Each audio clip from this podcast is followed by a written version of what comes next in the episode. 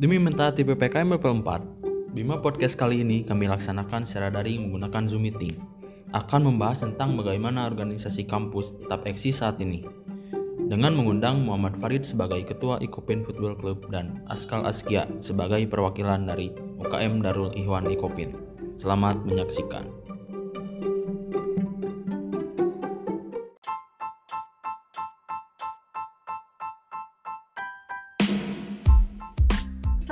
Datang di Bima Podcast yang kali ini berkolaborasi dengan UNC Awards yang merupakan salah satu program kerja dari Departemen dalam kampus BMKM Ikopin. Podcast kali ini juga bisa dibilang spesial ya karena secara teknis diadakan secara online karena PPKM yang diperpanjang. Jadi untuk kamu pendengar setia Bima Podcast, jangan lupa taati protokol kesehatan dan juga stay safe ya di rumah. Oh iya, para pendengar setia Bima Podcast, kali ini kita memiliki tema yang agak-agak bucin nih. Coba tebak dong, ada yang bisa nebak nih apa tema kali ini? Mungkin dari para narasumber ada yang tahu? Aduh, udah lama gak bucin jadi lupa apa artinya bucin. Aduh lupa ya. Oke, aku kasih tahu deh ya. Tema kita kali ini adalah antara aku, pandemi, dan juga organisasi. Wih, kurang bucin gimana tuh ya? Uh, nah, sebelum kita mau bucin-bucin nih, Firda mau ngucapin banyak-banyak terima kasih kepada narasumber yang uh, menyempatkan hadir di kala kesibukannya masing-masing. Nah, uh, yuk aja langsung langsung deh kita mari kenalan nih sama perwakilan dari pemenang UNC Award kemarin yaitu DKM Darul Ikop, Darul Ihwan Ikopin dan juga UKM Ikopin Football Club. Uh, boleh yang pertama dari perwakilan DKM untuk memperkenalkan diri? Ya baik, Bismillahirrahmanirrahim. Assalamualaikum warahmatullahi wabarakatuh. Perkenalkan, saya Askal Askia dari Departemen Rumah Tangga Masjid TKM Darul Ivan Ikopin. Gimana nih kak kabarnya? Alhamdulillah nih sehat-sehat semua. Alhamdulillah. E, kesibukannya nih apa? Kan udah beres ujian ya. Kesibukannya apa kak? Kesibukannya sih kita masih ada persiapan buat kegiatan-kegiatan selanjutnya yang di DKM. Mungkin teman-teman dari Ikopin bisa ditunggu nih kegiatan-kegiatan dari DKM bisa teman-teman pantau nanti. Oke siap, iya kita tunggu ya kak uh, acara-acara ke depannya dari DKM. Yang selanjutnya dari uh, perwakilan IFC boleh silakan memperkenalkan diri. Ya, assalamualaikum warahmatullahi wabarakatuh mungkin teman-teman di sini juga udah pada tahu ya kalau saya ketua IFC. Saya Muhammad Farid Nur Rahman selaku ketua Ikopin Football Club yang kebetulan menjabat pada periode saat ini. Oh ya, gimana nih kabarnya kak? Kabar sih, alhamdulillah baru sembuh COVID. Oh, alhamdulillah udah sembuh tapi sekarang ya? Alhamdulillah, udah dong, udah negatif. Udah jadi alumni COVID nih ya. Sarjana COVID. Oh, sarjana. Kalau boleh tahu eh, IFC eh, kesibukannya lagi apa nih kak? Buat IFC sendiri sih kesibukannya sih bisa dibilang nggak terlalu ya. Karena ya mungkin teman-teman juga di sini tahu ya kalau misalnya kita nggak di lapang tuh ya agak gimana gitu. Tapi ada satu proker yang mungkin lagi digarap dan akan terlaksana mungkin di bulan depan sepertinya. Iya kita doakan COVID-nya juga mereda ya kan jadi nggak ada Amin. halangan untuk IFC berkegiatan seperti itu. Ya, nah sebelum masuk ke inti diskusi nih mungkin sebagian dari pendengar Bima Podcast pasti masih ada yang asing gitu dengan UNC Award. Nah, jadi secara singkat UNC Award adalah salah satu ajang penghargaan atau apresiasi kepada UKM atau komunitas yang terus aktif dan produktif yang diadakan dua kali selama masa periode. Nah, eh, yang pertama nih buat eh, acara UNC Award yang kemarin nih, gimana tanggapan dari kakak-kakak nih? Uh, boleh dari Kak Farid?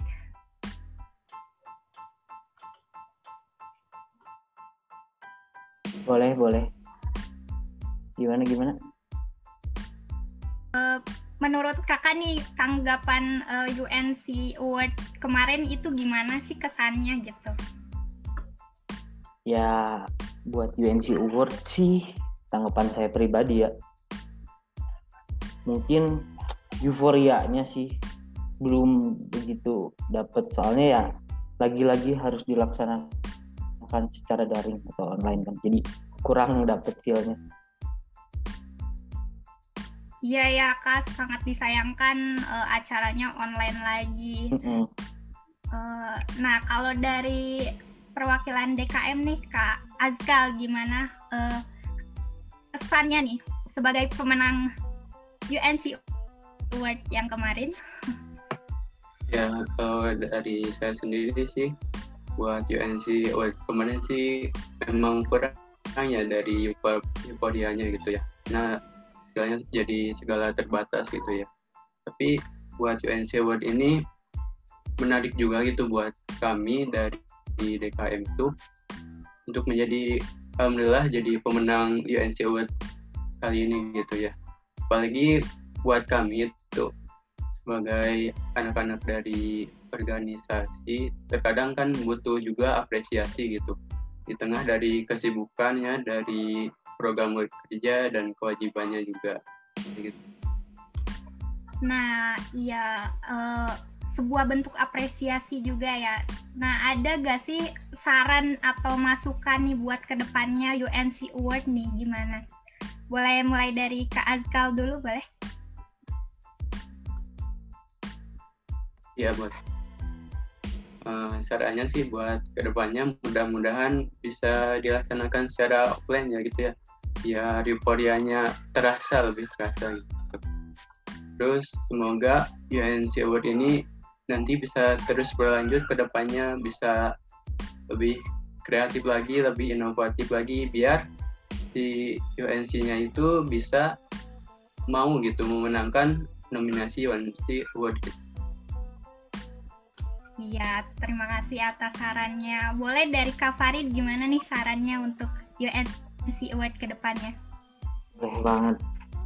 Ya, buat UNC Award sih, ini perbandingan sama yang tahun lalu nih ya. UNC Award yang periode sekarang sih mulai agak sedikit ada perubahan dari sebelumnya. Cuman ya emang masih belum signifikan gitu ya.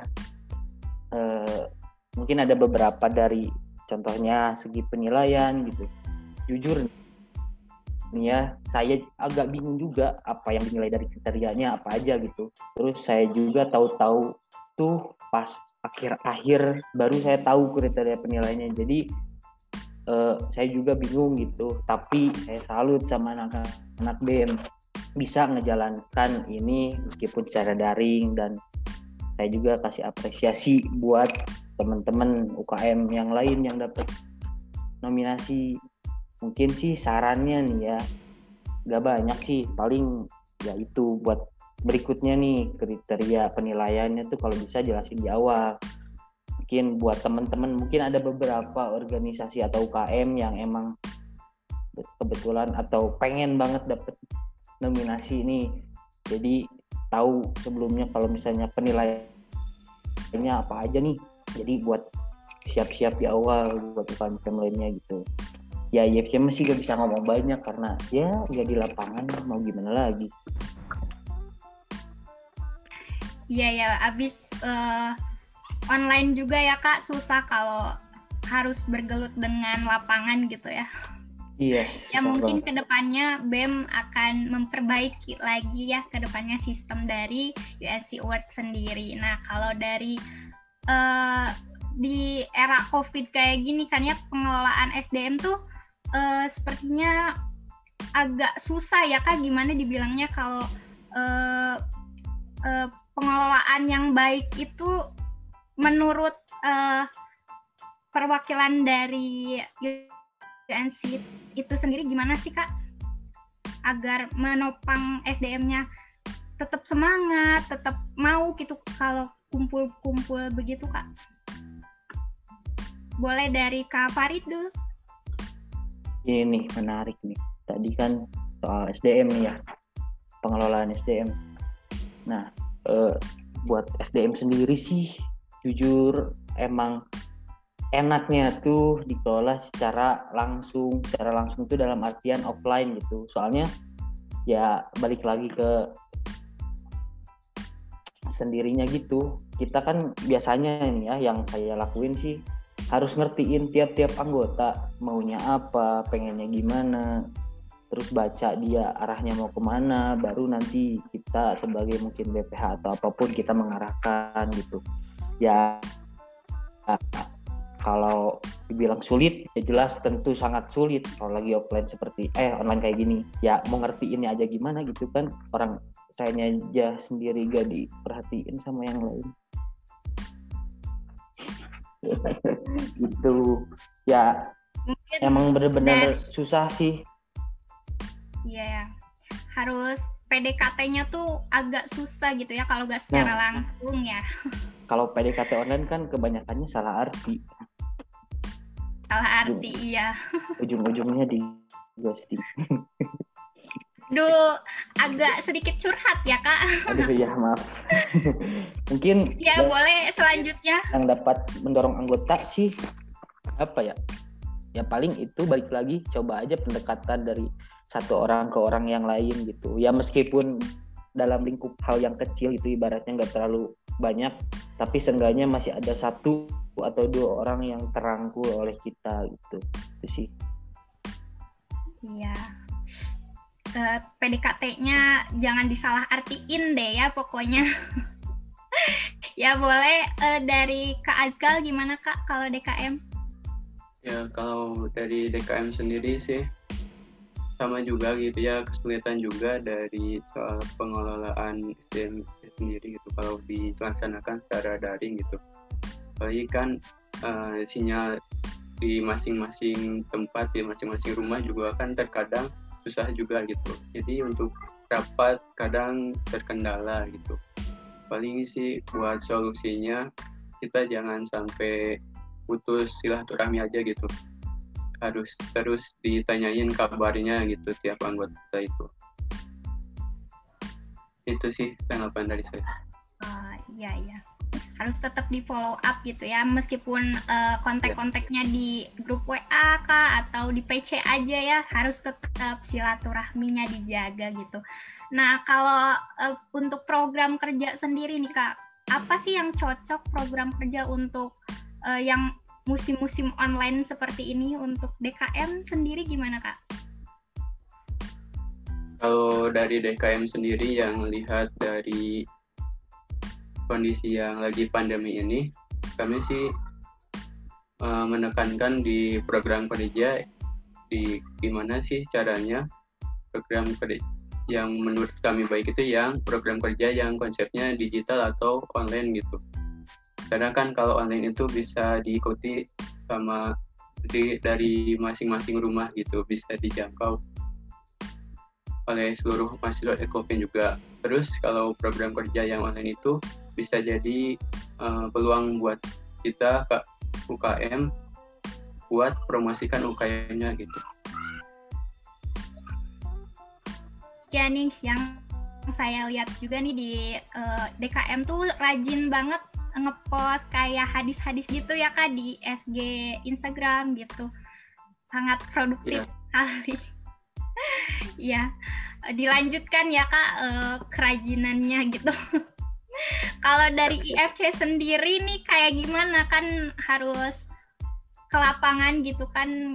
Gimana nih? Proker apa yang bisa dijalankan oleh IFC? ini sih jujur nih ya sulit dan bener-bener sulit nyari proker yang emang bener-bener bagus di saat kayak gini. Ditambah lagi kan kita nggak bisa terjun langsung ke lapangan.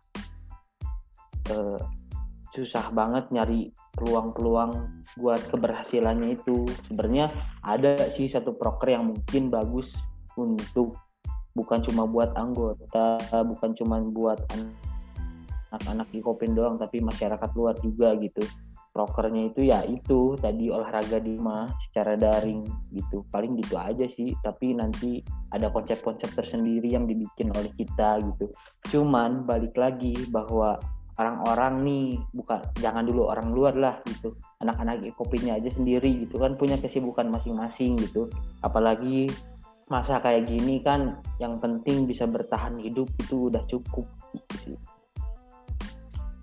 Jadi tetap diakali nih ya kak. Iya. Meskipun harus ada kendala-kendala tapi tetap harus cari solusinya seperti itu nah kalau ada gak sih uh, yang dihindari nih dari uh, kayak agar organisasi itu tetap, tetap berjalan apa sih yang dihindari gitu harus dihindari dari organisasi? Boleh dari Kak Azgal mungkin? Ya boleh. Uh, mungkin sih untuk menghindari supaya organisasinya tetap berjalan gitu, berjalan dengan baik gitu. Mungkin ya kembali ke yang tadi sih menjaga silaturahmi. Jangan sampai ada anggota yang sampai lost kontak gitu susah dihubungi gitu. Nanti kan ujung-ujungnya jadi muntaber gitu mundur tanpa berita. Itu benar-benar harus dihindari dari lost contact. Kalau misalkan ada yang lost contact nih kak, biasanya untuk DKM sendiri eh, tanggapannya seperti apa?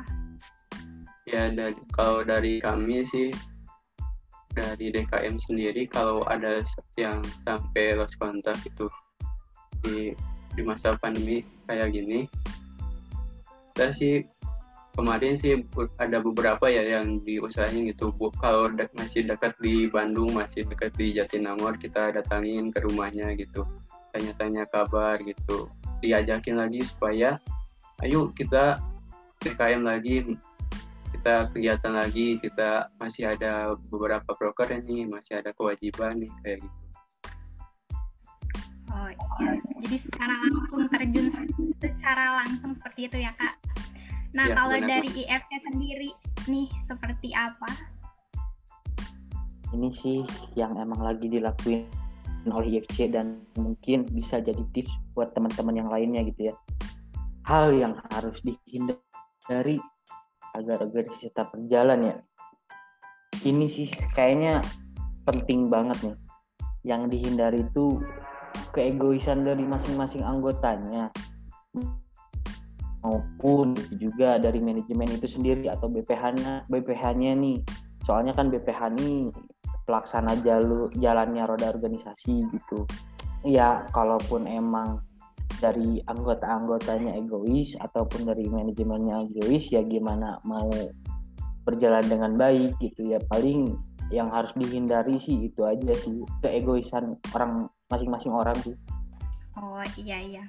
Jadi harus di apa sih kepentingan organisasi itu lebih penting daripada keegoisan sendiri gitu ya kak? Iya tapi nah, kan jadi, sifat alami manusia kan egois ya jadi susah susah susah banget buat bilangnya. Iya sebenarnya susah banget ya kak. Nah kalau ada gak sih tips-tipsnya nih agar UKM UKM ini tetap produktif gitu di kala pandemi ini? Ada gak sih Kak, Fari dulu? Boleh silahkan. Biar produktif ya? Apa ya? Paling ya itu sendiri sih, jangan egois. Terus sadar juga kalau misalnya kita tuh jadi anggota dari organisasi tersebut atau UKM tersebut. Kalau kita tanemin itu di dalam diri kita sendiri sih otomatis kita punya kesadaran tersendiri sama organisasi tersebut. Jadi ngelakuin hal apa pun untuk organisasi itu ya kita nggak akan setengah-setengah. Itu sih paling biar hmm. lebih produktif. Jadi kalau dari orang-orang pribadinya udah sadar akan bahwa kita tuh anggota ini anggota IFC misalnya. Nah nanti ke depannya ya pasti insya Allah bakal produktif. Ya jadi kembali lagi kepada nah. diri masing-masing gitu ya kak. Ya. Ya uh, kalau dari DKM nih kayak gimana kak? Ya, mungkin tadi benar ya tadi kata Kang Farid ya, kesadaran dari diri sendiri dulu gitu ya. Juga harus sekarang tuh harus saling memberikan energi positif lah gitu. Dari masing-masing anggota juga gitu. Karena kan di luar nih lagi energinya lagi negatif gitu ya bisa dibilang ada virus lah ada ya ada segala energi-energi yang negatif. Jadi anggota dari internal juga harus bisa saling memberikan energi yang positif itu. Apalagi di setiap rapat itu harus semangat harus tetap pede gitu buat ikut berorganisasi kan.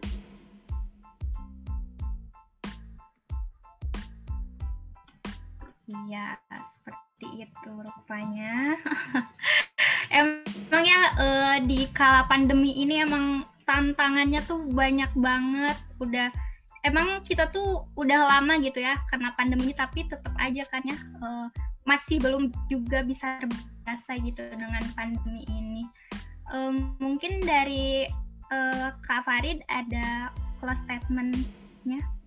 Mungkin sebelum close statement dari tadi kamu terus yang nanya. Aku juga pengen nanya dong ke kamu. Oh boleh boleh aduh boleh. Ya ya selama pandemi gimana nih? Selama ppkm kamu? Kalau aku uh, aku juga di rumah terus kak. Paling organisasi juga ya secara daring sekolah daring ya gitu deh. Daring daring semua. Semua daring kuota habis. Iya. Pusing pusing ya kak. Closing statement ya? Kalau iya. Kalau apa? Enggak enggak jadi deh. Enggak harus jadi gak mau tahu. Kalau kakak gimana nih kuliahnya? Alhamdulillah. Kan asalnya dari dari offline nih Ya. ke online. Apakah ada perbedaan yang besar gitu? Jelas tentu banyak perbedaannya. Iya. tapi gimana sih kak keseruan offline? Kan aku belum pernah nih Oh. kuliah offline. sudah belum pernah? Emang angkatan berapa? Belum. Aku 2020 kak. Oh angkatan 20 anak manajemen akuntansi? Manajemen kak. Kirain akuntansi.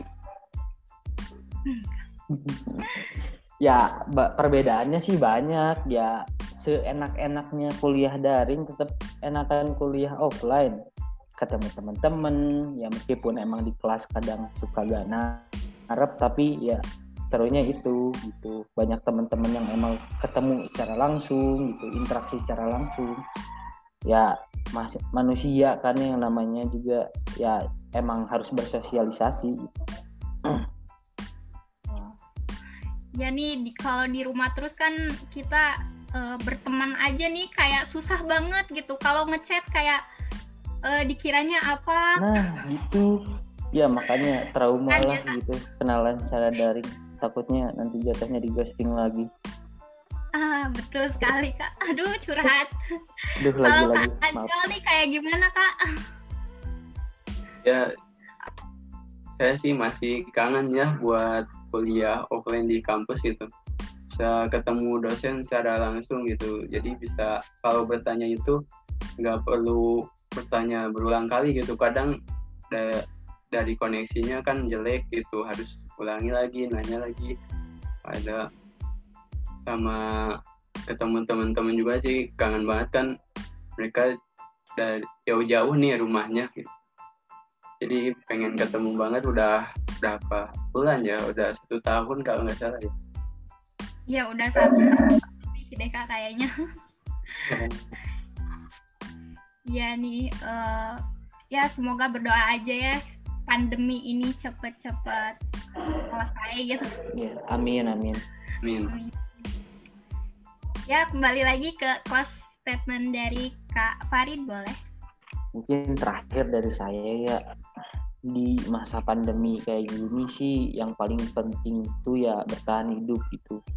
Jangan kita egois sama. Tapi ingat ya yang harus ditekankan tuh ya gak boleh egois sama diri sendiri. Ingat manusia tuh butuh yang namanya bersosialisasi.